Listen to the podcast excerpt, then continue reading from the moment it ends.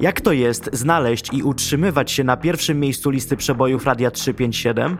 Moi goście wiedzą o tym najlepiej. O twórczości, wpływach i retromanii rozmawiałem z Jarkiem i Romkiem Zagrodnymi. To ponad pół godziny rozmowy prosto z radiowego szczytu. Zespół Bluszcz. Posłuchajcie.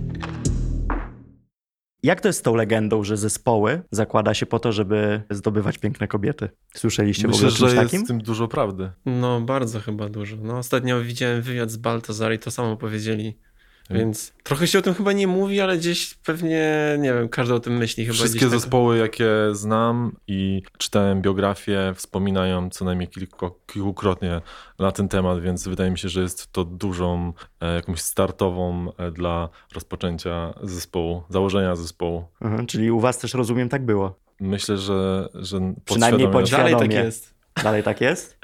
Nie, no myślę, że jest coś w tym. No, jest jakiś to, nie wiem, jakiś taki temat, który wydaje mi się może nie jest jakoś tak na pierwszych planach w ogóle w historiach zespołów, ale właśnie jak poczytasz w ogóle, co się, jakie są intencje w ogóle, gdzie wiesz, jak nie wiem, młodzi ludzie zakładają jakieś zespoły albo w ogóle myślą o tym, to gdzieś to na pewno jest z tyła głowy każdego z nich, jak mi się wydaje. jakaś forma udowodnienia sobie czegoś, że potrafię, że mm, mogę wyjść z swojej strefy komfortu, a przy okazji udowodnienie tego też e, dziewczynom myślę, że na początku jest e, czymś mega naturalnym. Mhm. Ale zastanawiam się, czy w dzisiejszych czasach, kiedy troszeczkę młodzież odstawiła młodzież, mówię to jako młody, ale też mówię to jako y, praktyk, y, muzyka żywa, gitara, perkusja gdzieś troszeczkę została odstawiona na dalszy plan. Mówimy dużo bardziej o elektronice. Nadal można zaimponować na przykład kobiecie tym, że gra się na gitarze, czy dzisiaj łatwiej jest zaimponować na przykład tym, że jest się DJ-em, którym kiedyś sam byłem i troszeczkę coś o tym wiem. Myślę, że to kwestia też upodobań e, danej osoby, dziewczyny, ale wydaje mi się, że każda forma może być dobra. Akurat jeżeli chodzi o gitary, dla nas przynajmniej w tej formie takiej klasycznej, jak w latach 70., 80., e, granie na gitarze e, trochę już e, jest nieaktualne. W sensie taki rodzaj um, rock'n'rolla. Bardziej trzeba to w, em, połączyć z jakąś nowoczesnością, czyli z em, muzyką elektroniczną. Przynajmniej w mojej kategorii dużo większą to ma wartość teraz niż taka klasyczna, klasyczny band, gdzie, gdzie jest zawsze perkusja, bas e, i wokal. To, to jest trudniejsze na pewno, bo już tyle razy słyszeliśmy tą samą śpiewkę, że trudniej kogoś zainteresować e, e, setny, tysięczny raz podobnym brzmieniem i podobną e, strukturą e, piosenki, a muzyka elektroniczna daje dużo więcej możliwości. W połączeniu z gitarą może dać e, jakiś rezultat ciekawy. My w ogóle często nawet w swoich rozmowach przyrównujemy w ogóle granie na gitarze w taki dosyć, myślę, że komiczny sposób, że to jest, y, wiesz, współcześnie trochę jakby y, mam świadomość tego, że jest w tym dużo przeryski, ale że to jest trochę jak, wiesz, jak słyszysz o tym, że gdzieś tam e, się co roku ktoś przebiera za rycerzy i w ogóle, wiesz, ma zbroję i sobie idzie, jakby patrzysz na niego i wiesz, że to jest trochę już nieaktualne. I jakby może nie aż tak, ale jakby granie na gitarze takie stricte jest dzisiaj czymś takim trochę nie wiem, trochę może romantycznym, albo może przesadzam, ale na pewno nie jest czymś takim, nie wiem, współczesnym, co jakby jest jakimś takim elementem, nie wiem, może dorastania, że właśnie są trochę e, jakieś inne narzędzia, za pomocą których w ogóle ludzie się wyrażają i szukają coś dla siebie. Tak jak chociażby wspomniałeś, że jest jakiś w ogóle, nie wiem, DJ powiedzmy versus typ, który gra sobie na gitarce, więc Mhm. To tylko narzędzia tak naprawdę, żeby, wiesz, gdzieś tam... Żeby pokazać E, wrażliwość e, Dokładnie. swoją. Mhm. No tak, powiedziałam o tych DJ-ach nie bez powodu, bo e, myślę, że nasi rodzice doskonale pamiętamy, jak chodzili na koncerty w Polsce, nie wiem, Perfektu czy Lady Punk. Za granicą pewnie każdy myślał o tym, żeby marzył o tym, żeby pójść na ACDC, a dzisiaj jednak się jeździ na Tomorrowland, Ultra Music Festival i tego e, typu festiwale. Wspomniałeś trochę o rock and rollu. Jest go trochę u was w muzyce, tylko nie w, stricte w muzyce, ale w takim życiu muzyka. Nie, w ogóle wydaje mi się, że to jest jakiś taki trochę wyświechtany termin, który trochę w 2021 jest już jakiś taki trochę śmieszny, jak mi się wydaje. Czy nie wiem, jakby nie chcę tego e, demonizować, może Mhm. ktoś ma jakby takie, jakby jakąś silną wiarę w, w jakieś takie, wiesz, e, ikoniczne historie zespołów, które, nie wiem, są, mają dużo miejsca w, w przekazie medialnym, ale jakoś wydaje mi się, że my nigdy nie byliśmy chyba takimi typami, którzy w ogóle szarżowali za bardzo i też jakby chyba nie były nasze jakieś marzenia, żeby prowadzić tego typu życia, bo nam to się wydawało trochę, nie wiem, jakieś takie banalne, tak mi się wydaje. Aha, tylko y, nie zastanawialiście się, jak to jest kiedyś pod wpływem tych używek tworzyć, no bo tak sięgam pamięcią, początkowe płyty Pink Floyd na niesamowitym haju powstawały. W zasadzie każda płyta Tomka Stańko tak samo, a dzisiaj w sumie mówimy o jakichś ikonach muzyki, dziełach, które już pewnie pozostaną z nami na zawsze. Myślę, że może mieć to jakiś wpływ w przekraczaniu jakichś swoich właśnie strefy komfortu i jakiegoś takiego wyjścia z jakiegoś takiego standardowego, codziennego dnia. W sensie, że może to trochę po, poszerzyć horyzont czasami, ale też może po, poszerzyć horyzont przeczytanie książki albo pojechanie na jakąś przygodę dookoła świata. Myślę, że dużo większą to ma wartość niż e, naćpanie się i liczenie na to, że przyjdzie wena i, i napiszesz coś, e, co zrówna e, wszystko, co do tej pory było w muzyce z ziemią. Wydaje mi się, że to jest błędna droga, więc można wychodzić ze strefy komfortu, ale to nie jest nasza droga na pewno. Że ja myślę, że też to, nie wiem, może są ludzie, którzy, nie wiem, tworzą jakieś rzeczy i, dla nich, i na nich to działa, ale nie wiem, ja pamiętam, że jak miałem jakąś taką akcję, że próbowałem coś robić, powiedzmy, nie będąc w takim stanie normalnym, tak jak jestem teraz, to w ogóle pamiętam, że to było dosyć absurdalne, że jakieś takie najbardziej żenująco proste pomysły. Wydawały mi się, nie wiem, niesamowite, co jakby wtedy czułem, że coś jest chyba nie tak, że jakby nie mam jakiejś takiej klarowności i świadomości w ogóle w podejmowaniu decyzji i w ogóle, wiesz, postrzegania tego, co tu się właściwie dzieje, więc nie wiem, dla mnie to jakoś nigdy nie wpływało jakoś pozytywnie, ale jakby wyobrażam sobie też ludzi, którzy potrafią robić w ogóle jakieś świetnie, wiesz, genialne, abstrakcyjne rzeczy pod wpływem jakichś używek, bo się wprowadzają w jakieś stany, które na co dzień są mi na przykład, wiesz, niedostępne. Mhm. Czyli wy raczej y, w myśl zasady, że najlepszym dopalaczem jest osobowość. Wspomnieliście, wspomniałeś... Kawa. y, Kawa, no tak, w sumie narkotyk. Najbardziej. E, Wspomniałeś trochę o muzyce elektronicznej, o urozmaicaniu żywych instrumentów muzyką elektroniczną. Kilka dni temu, dla mnie niesamowicie przykra rzecz, Daft Punk e, zakończył swoją działalność artystyczną. Mieliście e, jakiś, jakieś spojrzenie na Daft Punk, które pomagało wam tworzyć muzykę? Miał, miał ten zespół na was jakiś wpływ? Wiesz co, wydaje mi się, że chyba nie jakoś bardziej niż myślę, że przeciętny odbiorca popkultury i ogólnie osoba, która gdzieś, wiesz, chłonie różnego rodzaju zjawiska muzyczne. Zawsze to był dla mnie jakiś taki dobry, e, bardzo jakościowy zespół, który e, właściwie od początku gdzieś tam, ja tak naprawdę w ogóle te pierwsze płyty Daft Punk e, obczajałem sobie, nie wiem, parę lat temu, jak pamiętam, że kupiłem sobie biografię mm, książkę o nich i, i byłem trochę zdziwiony, że właściwie te płyty, bo w sumie byłem też takim odbiorcą, który jakby myślę, że pewnie sporo osób e, sięgała trochę wstecz ich muzykę, więc dla mnie było trochę e, zaskoczeniem, że ich, muzy- ich pierwsze płyty były takie mocno odpalone, że, były, że ta muzyka była taka trochę bardziej dzika. E, Zwłaszcza jak osadzimy e, ją w czasie, kiedy na przykład w Paryżu, e, to nawet jest, ich pierwszy album się tak zaczyna, że tam słychać syreny, syreny policyjne i tak dalej, bo były zamykane kluby, muzyka elektroniczna, co dzisiaj brzmi absurdalnie, nie była tak gorąco witana wtedy, jak jest teraz, a oni naprawdę, tak jak to słusznie, słusznie powiedziałeś, dość mocno odpinali na tych albumach. No to jeżeli Daft Punk mamy odkaczony, to kto z artystów ma dzisiaj na was jakiś taki wpływ, kto was uwrażliwiał, dzięki komu w ogóle e, ta wizja, że chce być artystą, e, powstała. Ale mówisz o takich początkach, tak? Że na przykład, nie wiem, zobaczyłeś jakiś zespół i sobie- Wiesz co, pomyślałem, mówię że... raczej, e, tak, no to początki są dość istotne, ale Mhm. ogólnie chodzi mi o bendy, o pojedynczych wykonawców, którzy mają na was jakiś taki wpływ, uwrażliwiają was, inspirują Mhm. was.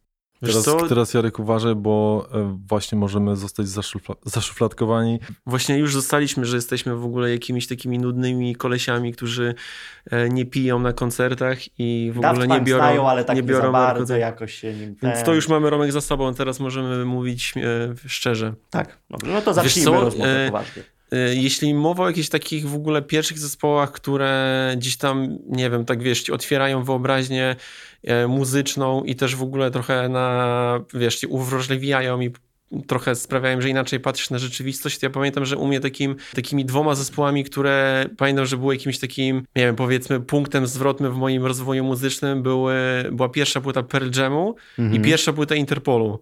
To były jakieś takie, pamiętam, że jak gdzieś za, zaczynałem gdzieś tak bardziej świadomie szukać muzyki i się gdzieś tam otaczać jakimiś takimi zespołami, które gdzieś sam wybieram niż tylko ktoś mi, mi je daje, to ta płyty, te płyty w ogóle do dzisiaj są dla mnie jakieś takie, pierwsza płyta Interpolu do dzisiaj jest jakaś taka dla mnie, że jak ją puszczam, to ona mnie strasznie porusza dalej, że trochę czuję te emocje, jakie, nie wiem, miałem wtedy, wiadomo, że jest w tym dużo nostalgii, jest trochę, jakby każdy to ma, ale myślę, że jakby na pewno nie byłbym w tym punkcie, gdyby nie Interpol, gdyby nie Pearl Jam, może też trochę LCD, LCD Sound System, Mhm. to były takie rzeczy, które pamiętam w takim okresie.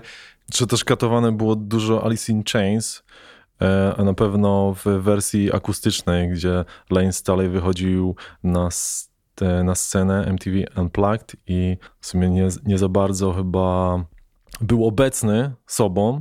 Trochę się mylił, czasami miał jakiś, widziałem, że miał jakieś taki rozpisane nawet teksty, ale w tej jego nieobecności w głosie, w sumie już chyba w tych takich końcowych, w końcowej fazie e, była jakaś, em, jakaś tajemnica, jakaś taka głębia, że jak pierwszy raz to zobaczyłem, to e, bardzo mnie poruszyła jego aura, jego postać, e, właśnie jego nieobecność, ale też e, energia, która gdzieś tam w takim spokojnym, siedzącym na stołku człowieku e, po prostu przenikała słuchając e, jego głosu. Mhm. No to ja miałem coś takiego z Pearl Jam ten, o którym y, zespole wspomniałeś.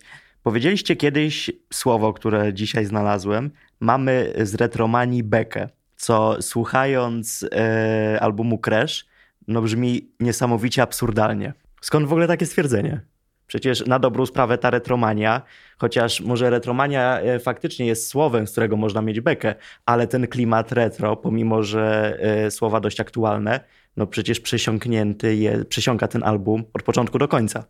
Ciężko jest mi się tak odnieść e, do słowa wyrwanego z kontekstu, aczkolwiek Kto to powiedział w ogóle? A właśnie, to jest, to wam zostawiam tą zagadkę i teraz musicie się wytłumaczyć z tych słów. brzmi to jakby Romek powiedział, ale wiem, wiem o czym, jakby co miał na myśli, bo jakby przy, przywołałeś płytę Crash, a płyta Crash jest taką płytą, która ma do siebie dużo dystansu, tak mi się wydaje, więc jakby w tym tekście pod tytułem, że mamy dużo dużą bekę z retromanii jest chyba gdzieś ukryta, wiesz, jakieś takie stwierdzenie, że podchodzimy do tego z dystansem, że dzisiaj w ogóle jakby cała popkultura jest trochę skierowana w tył, nie? I to nawet nie jest teraz, tylko jak prześledzisz ją, to ona trochę zawsze taka była, nie? Że w, jakby nowe twory artystyczne, czy które gdzieś tam powstawały, zawsze po prostu brały z wcześniej, więc y, Musi być, e, musi być jakieś mrugnięcie okiem do e, słuchacza. Jeżeli to jest 100% na poważnie, to e, może być to ciężkie w odbiorze, więc akurat e, ten album wydaje mi się, że jest e, mocno zdystansowany. Czasami jest śmieszny, czasami jest przerysowany. A w którym momencie jest śmieszny?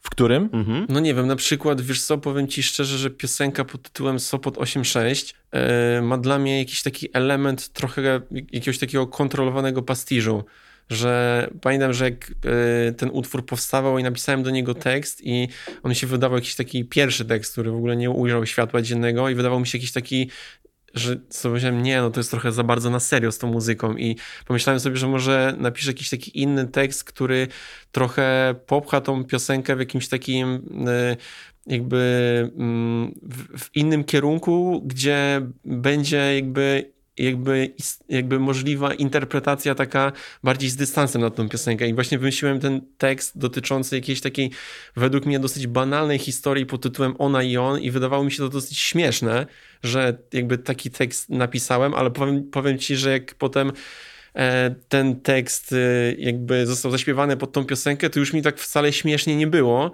więc jakby tu mówimy o jakimś takim dualizmie, że ta muzyka jest jakaś taka właśnie zakorzeniona i jest w niej dużo retromanii, ale może być też interpretowana na poziomie tekstowym bardziej tak dosyć luźno po prostu, że i to jest dla mnie też ciekawe, że wiele osób do nas pisze, że że jakby to jest dla nich bardzo jakoś taka, nie wiem, szczera, poważna piosenka dotycząca, nie wiem, jakiejś historii miłosnej, mają jakieś, nie wiem, przywołuje jakieś wspomnienia, a z jednej strony niektórzy piszą, że to jest jakaś taka, wiesz, pastiżuwa pod tytułem Biały Miś, nie? Czy coś takiego. I, I to jest spoko według mnie, że jakby poziom interpretacji jest dowolny i jakby jakby wszystko jest kwestią perspektywy tego i że tam, nie wiem, ta muzyka w jakiś sposób daje ci pole manewru do, e, do interpretacji. No ja ten album odbierałem bardzo serio, odbierałem bardzo serio też kawałek Sopot 86. E, ale i to super właśnie według mnie, jakby ja zupełnie znaczy, nie chcę... Wie, wiesz co, przepraszam, że ci wejdę w słowo, ale myślę, że najlepszą recenzją e, tego albumu, jaką mógłbym taką w jednym zdaniu powiedzieć, to zatęskniłem za czasami, których mnie nie było na świecie. No to tak jak my trochę. No właśnie, bo was nie było chyba jeszcze wtedy na świecie, no nie, 86 nie, nie, rok. Próbowałem... 86? Czy Romek był, no. Okej. Okay. A ile miałeś? Nie mogłem znaleźć informacji na temat waszego wieku nigdzie. I tak się właśnie też no, zastanawiałem. Nie zdradzamy to tego, to jest tak, nieistotne. No, to jest, no. To w kontekście tego albumu trochę jest, zwłaszcza jak mówimy Sopot 86. Tu o muzykę chodzi, o nie nas. E, Zero kultu jednostki. Okej, okay, dobra, rozumiem. A skąd w ogóle wzięła się ta fascynacja, żeby w tym kierunku artystycznie pójść na kreszu? Wiesz co, nie wiem w sumie. Na, na, pewno, na pewno trochę wpływ ma na to e, sytuacja, że w 2000... E, 19 zaczęliśmy grać e, w zespole też z naszym tatą, który jest perkusistą, gra na klarnecie też i generalnie mieliśmy taki trochę system spędzania czasu z rodzicami, że przyjeżdżaliśmy z rąkiem do rodziców i graliśmy sobie z, rąk, z tatą jakieś piosenki po prostu, takie wiesz, na, na maksa basicowe pod tytułem trzy instrumenty i sobie po prostu gramy zamiast... Jakiś demono, manam... Tak, jakieś takie klasyki, nie? I graliśmy mhm. covery i no jeden cover został na albumie. Jeden cover został na albumie też i w ogóle było dużo więcej coverów, tylko jakby nie wersji studyjnej, tylko tak po prostu, wiesz, jakby na zasadzie fajnego spędzania ze sobą czasu i, i na te próby w ogóle z czasem w ogóle zaczęliśmy przynosić swoje piosenki i tak w ogóle graliśmy je w trójkę i one tak jakoś działały, że wiesz, zawsze my tak mieliśmy takie podejście, że bardziej graliśmy taką muzykę, która była gdzieś tam, wiesz, bardziej wyprodukowana, taka powiedziałbym, że bogatsza w brzmieniu i w strukturze i też w produkcji, a tutaj jakby w tym takim zespole statą, gdzie po prostu tak totalnie bez żadnej napinki sobie gramy na zasadzie, jak nie wiem, moglibyśmy grać sobie na playu, ale sobie gramy muzykę razem, mhm. bo wszyscy lubimy grać. No i okazało Ojciec się... nie lubi grać na playu nie lubi grać na playu, no, ale jakoś tak nawet bardzo nie lubi, nie, że tak, że spoko. Nie nawet lubi. nie lubi jak my gramy. Nie lubi jak ktoś inny gra. Okej, okay, no. no. to już radykał. Tak, radyk radykał, jeśli chodzi o granie. E, I, no i właśnie zaczęliśmy przynosić te piosenki właśnie z, z Kresza i jakoś okazało się, że one działają, że, że raz, że gramy w takim e, bardzo okrojonym, e, okrojonej formie te piosenki i one jakoś tak wchodzą, jakby każdy ma radochę i sobie pomału te piosenki też nagrywaliśmy i powiem ci szczerze, że, że stało za tym zwyczajne jakieś takie dobra zabawa, że fajnie się po prostu zwyczajnie grało w trójkę i grało te piosenki, więc na pewno tato miał duży wpływ na to, że nagraliśmy takie piosenki, a nie inne, ale jeśli chodzi też o to, jeśli pytasz skąd te piosenki są, to będąc szczerym, ja sam do końca nie wiem, że to jest, wiesz, wypadkowa wielu rzeczy, które wpływają na to, e, jaka, jaką muzykę tworzysz. My tak naprawdę nigdy nie odkąd w ogóle robimy muzykę i wiem, że trochę ciągnie się za nami jakiś taki trochę właśnie vibe właśnie, wiesz, retromanii mm -hmm. i mhm. 80 e, ale naprawdę nigdy nie było jakiejś takiej gadki, która była jakąś taką, wiesz, dyskusją na temat, jak to będzie wyglądało, tylko po prostu robiliśmy sobie rzeczy i one wychodziły i ja czuję, że Crash jest też jakąś naturalną, kolejną, e, kolejnym etapem e, naszej twórczości i no i nie wiemy do końca jakby co za tym stoi, skąd to jest do końca. Nie wiem do kiedy e, powstawał konkretnie ten album, ale tak teraz przyszło mi do głowy, czy to nie jest też trochę tak, że podczas pandemii trochę się zatrzymaliśmy i zaczęliśmy patrzeć na to, co było kiedyś i stąd też ten, e, ten vibe? Wiesz co, szczerze mówiąc nie, dlatego że dokładnie w momencie, kiedy pojawił się pierwszy lockdown, to ta płyta była tak naprawdę gotowa. Mhm. Więc e, ona powstawała koniec powiedzmy 2019 roku, więc jakby w momencie pierwszego lockdownu i całego tematu pandemii, który wybuchnął, to ta płyta była tak naprawdę zamknięta, więc mm, myślę, że jakieś takie elementy pandemiczne zupełnie ją omijają, a nawet wręcz przeciwnie, jak tak dłużej o niej gadaliśmy i dyskutowaliśmy, to wydaje mi się, że ona trochę stoi nawet w opozycji do tego, że,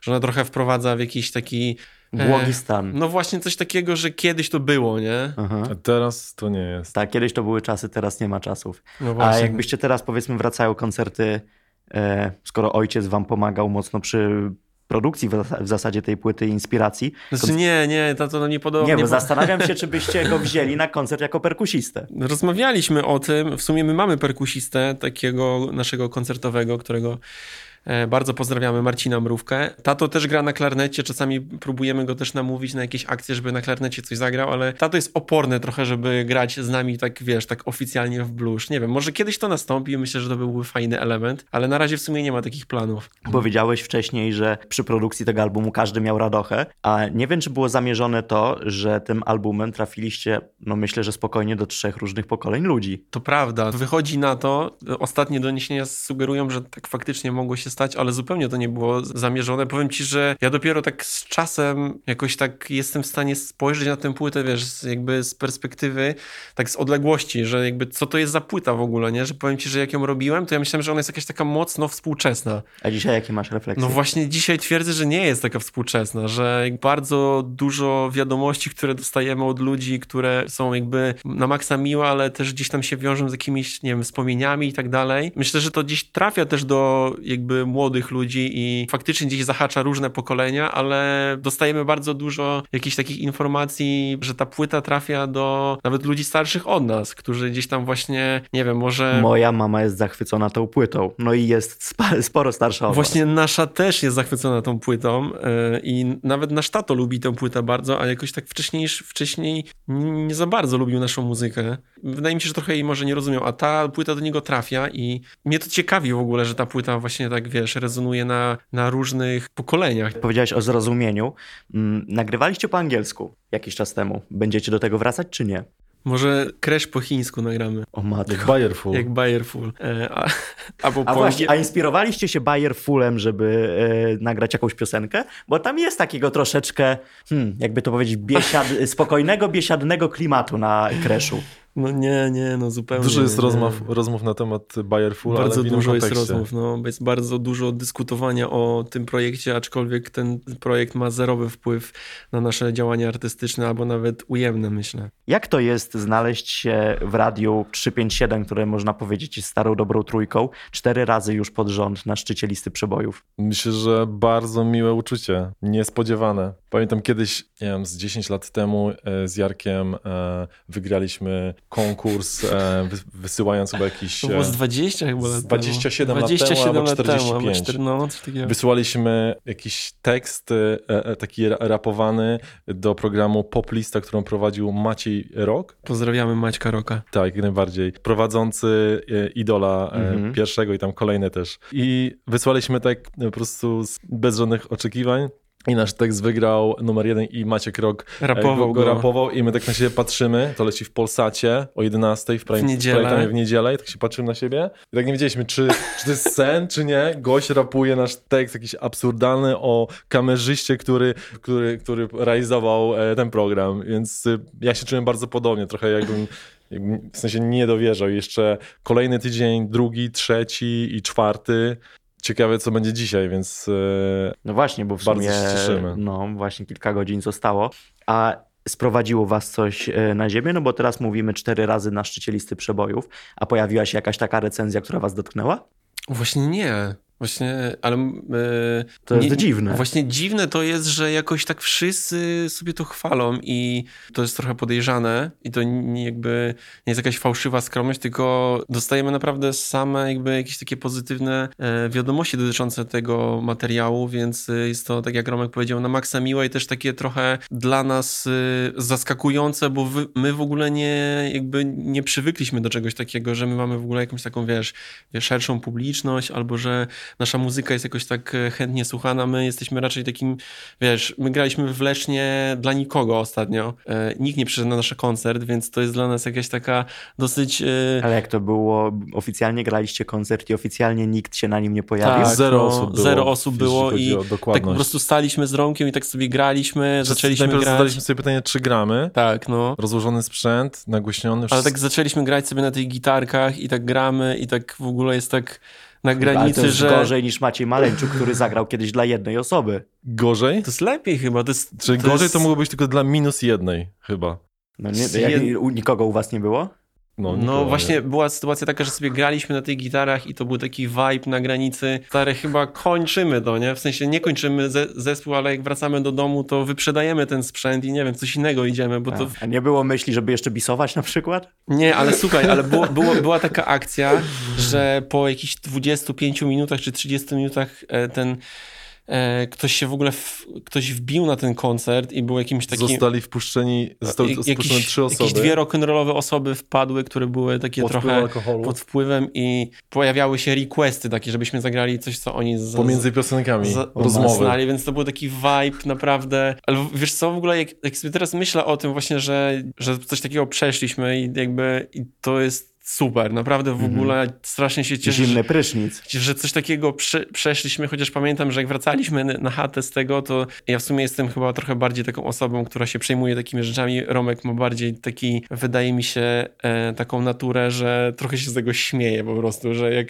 jest taki moment, w którym sytuacja To już jest na jest tyle absurdalna, tak, że Romek reaguje no. śmiechem, nie? że po prostu mówi, że nie, no to jest już przecież już bardziej absurdalnej sytuacji być nie może, więc e, pamiętam, że wtedy trochę Uh, jak gadaliśmy o tym, to faktycznie jak dojechaliśmy już na chatę, to się potem razem z tego śmialiśmy. Ale to na pewno jest, wiesz, jakiś taki element, że trochę cię uczy pokory i trochę też jakiegoś takiego, nie wiem, na, na, na, nastawia cię jakoś, wydaje mi się, bardziej przytomnie do rzeczywistości i też, nie wiem, sobie myślisz, po co w ogóle to robisz, nie? Że jakby wiadomo, że nie będziemy wyprzedawać żadnego, żadnego sprzętu i rezygnować z tego, bo będziemy to robić, bo robimy to, po prostu lubimy to robić i jeśli nikt na to, nie wiem, nikt nie, tego nie słucha, no to, to. No to okej, ale to nie znaczy, że nie będziemy się, wiesz, gdzieś razem dzielić e, naszymi jakimiś zajawkami muzycznymi i że to będzie dalej sobie trwało, nie? Mhm. No właśnie, ale lubicie to robić. Pytanie tylko, czy będziecie traktować i traktujecie to jako faktyczny core zawód, czy raczej jako hobby, no bo e, nie zabiegacie za bardzo o atencję. A wydaje mi się, że w dzisiejszych czasach to jest kluczowe mimo wszystko.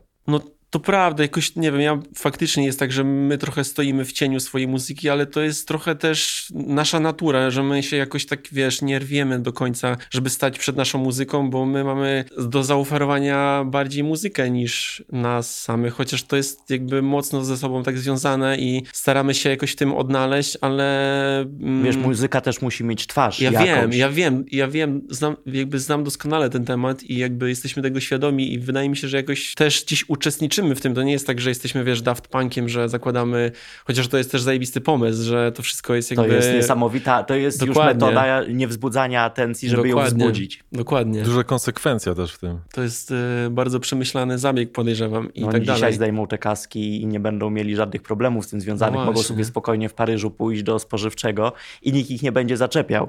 A jako, że jesteśmy trochę w centrum Warszawy, pomiędzy korpo, to zadam takie e, typowe e, pytanie, jak pewnie się zadaje na przesłuchaniach e, o pracę. Gdzie się widzicie za pięć lat? Ja myślę, że podobnie. W sensie, że może Czyli, że nadal będzie co tydzień, będą lamparty na pierwszym Mam nadzieję, miejscu. tak, tak. Trzymam Jest- kciuki. Lam- jeszcze Lampardy dużo są piosenek. 600, 600 raz na pierwszym. Jeżeli chodzi o, o e, nasz kurs, to myślę, że mam nadzieję, że zachow- zachowamy e, podobny stosunek do, do tego, co robimy, bo w sumie nasze założenie było takie, że jak zaczynaliśmy ten projekt, e, mając na uwadze wszystkie projekty, które mieliśmy wcześniej i były jakieś pinki, jakieś to czegoś takiego chcieliśmy uniknąć i w sumie dalej, dalej chyba nam się udaje, że, że nas, nasza relacja cały czas e, się rozwija i e, mając wspólną zajawkę, więc e, po prostu będziemy kontynuować naszą przygodę, nie? Dla mnie to jest mega przygoda e, współpracować z Jarkiem i też e, z naszym e, kolegą e, Jakubem, który też nas, w sumie jest częścią zespołu i też, też nas bardzo mocno wspiera, w sumie bez niego nie, nie wyobrażamy sobie zespołu Blues, e, więc rozmiar może być, przyjmujemy to, że rozmiar może być trochę większy, ale Forma ta sama, ale skala większa. tak, tak myślę. Powiedzcie mi, tak już troszeczkę tytułem też e, końca, ile na tym, co do tej pory stworzyliście, jest waszej autobiografii? W tekście, w emocjach? Wiesz co, nie wiem, nie umiem tego wskazać. Nie jestem w stanie odpowiedzieć na to pytanie. To jest bo wiele wszystko- artystów przeżywa powiedzmy jakiś kryzys życiowy albo niesamowitą eufo- euforię z czymś e, związaną.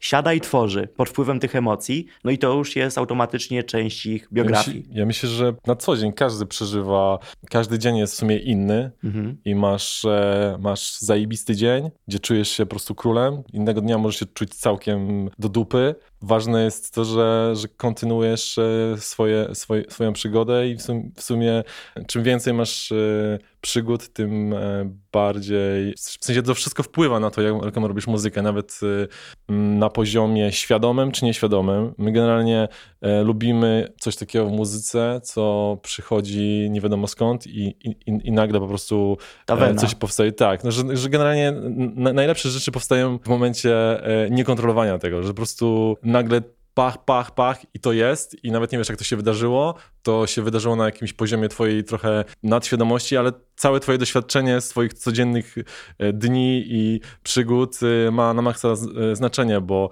podejmujesz bardzo dużo decyzji na poziomie tworzenia piosenki, które wynikają z tego, kim jesteś i co przeżyłeś. Czy wiesz co, nie nazwałbym do końca tego weną, bo wena to dla mnie trochę taki termin dosyć... Dla niektórych abstrakcyjny. Śmieszny też. Taki śmieszny, taki kliszowy trochę, że to takie wyobrażenie na temat twórcy, że, że wiesz, że, że masz wenę, to tworzysz coś, a jak nie masz weny, to nie tworzysz.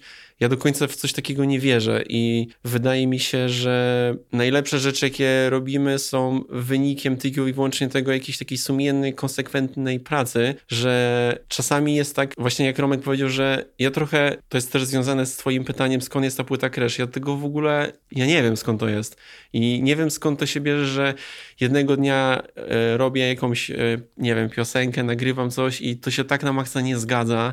I drugiego dnia i na przykład 30 dnia jest też fatalnie. I na przykład 31 wychodzi coś, co chętnie wyślę Romkowi, a potem zdecydujemy, że pokażmy to komuś jeszcze innemu, więc gdyby nie jakby jakaś taka wypracowane mechanizmy, że że pracujesz nad sobą i się stymulujesz, tak, to, to Wena nie ma szans, bo Wena musi mieć też, yy, znaczy Wena, nie wiem co to jest w ogóle do końca tak naprawdę, ale choć, chyba zmierzam do tego, że czasami rzeczy się dzieją takie, że nie jesteś w stanie tego zaplanować, że nawet jakbyśmy, że mi się wydaje, że, że jakbyśmy na przykład teraz mając u, jakby świadomość tego, jaką płytę nagraliśmy, powiedzmy usiedli i zaplanowali, nagrajmy taką płytę, to mhm. my byśmy takiej płyty nie nagrali, bo jakby my nie mieliśmy żadnego konceptu, że on to będzie tak brzmiało. My po prostu mieliśmy piosenki, że pamiętam, że zrobiłem chyba pierwszą piosenkę, która jest pierwsza na płycie Gepard i jakoś tak nam się spodobała ta piosenka i byliśmy z Romkiem gdzieś na spacerze i tak gadaliśmy trochę, że jeszcze potrzebujemy dużo piosenek nowych i Romek mówił, że no a jakbyśmy mieli tak jeszcze trochę, nie wiem, takich z pięć piosenek, to może by była fajna płyta. I tak sobie pomyślałem, że okej, okay, no to może spróbujemy zrobić jeszcze jakąś taką piosenkę po prostu. Że... Ale to jest dziwne, bo ten album brzmi mega spójnie. No właśnie. Wręcz koncepcyjnie. Dokładnie, ale powiem ci szczerze, że on, nie, nie, on tak nie powstawał. Proces dochodzenia do tej płyty trwał dosyć długo, bo po drugiej naszej płycie był taki okres, gdzie do końca nie wiedzieliśmy, w którą stronę zmierzać i powstało bardzo dużo piosenek, które były jakieś takie, było dużo instrumentalnej muzyki, trochę czuliśmy, że fajnie byłoby jednak tak pograć prościej trochę. Długo miesięcy zajęło dochodzenie do stworzenia jakiegoś takiego azymutu people że właśnie po, chyba powstał ten Gepard i sobie pomyśleliśmy, że okej,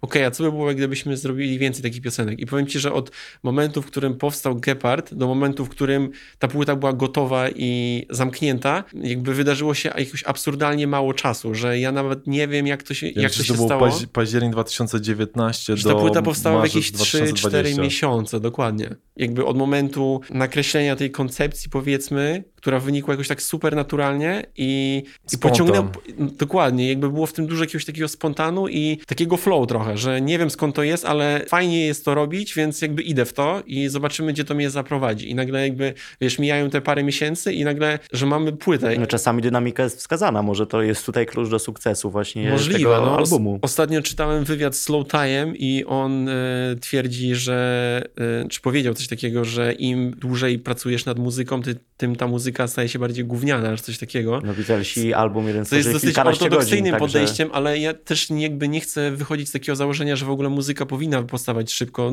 bo uważam, że w naszym pojęciu i mi się tak dobrze pracuje i dla mnie to działa. Na przykład John Frusciante też ostatnio czytałem wywiad z nimi, mówił, że on też strasznie się frustruje, jak muzyka nie powstaje szybko. Ale są też przykłady ludzi, którzy pracują tak bardziej, że muzyka powstaje w, w jakimś takim okresie dłuższym, rozciągniętym i też jest bardzo spójna i potrafi być jakby genialna też, więc jakby to jest tylko jakiś taki, powiedzmy, metoda.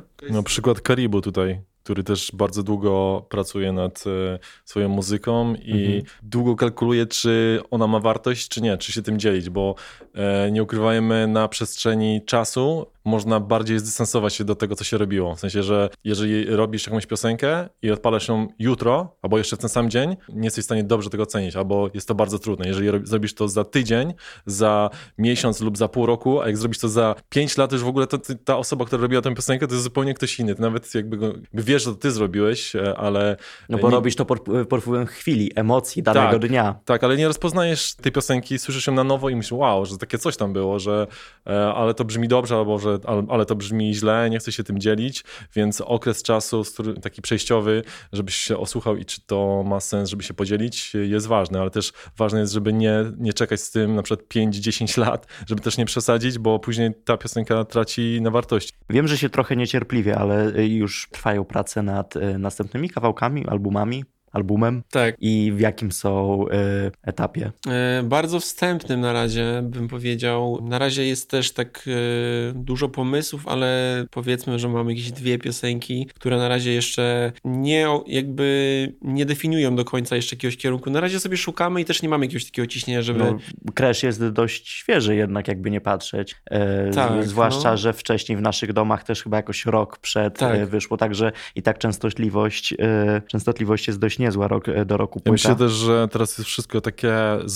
spowolnione, że nawet jeżeli płyta wyszła w, tak jak nasza w, we wrześniu e, 2020, to ona ma dłuższy cykl życia niż e, wcześniej to miało miejsce, bo jak e, płyta eksploatuje się na koncertach, to e, ludzie potrzebują kolejnych rzeczy. W sensie, że jeżeli ktoś pójdzie na koncert i ja przynajmniej tak mam, że jeżeli pójdę na koncert, posłucham albumu i pójdę na koncert, to mam trochę jakby dan, że tutaj okej, e, czekam na coś nowego. Przeży, przeżyłem to sam e, ze sobą, posłuchałem albumu w domu ileś tam razy i później poszedłem na koncert i nagle e, w sumie odcinam się wtedy. Już nie, nie wracam do domu, nie słucham tej płyty dalej i w momencie, kiedy koncertów nie ma, nie ma tego takiego czeku. Dalej jest w zawieszeniu płyta, więc e, ona ma dłuższy cykl i wydaje mi się, że dopiero jak będzie możliwość grania koncertów, to e, będzie można iść dalej. No to trzymam kciuki, żeby koncerty e, znów ruszyły. Trzymam kciuki za e, piątą, piąty raz z rzędu, żeby Lampard znalazły się na pierwszym miejscu listy przebojów w Radiu 357. Wam dzisiaj dziękuję, zespół Bluszcz. Dzięki wielkie za zaproszenie. bardzo dziękujemy za zaproszenie. Dziękuję, że słuchasz mojego podcastu. Zasubskrybuj i zaobserwuj moje media społecznościowe, by nigdy nie przegapić żadnych nowości. Kacper Majdan.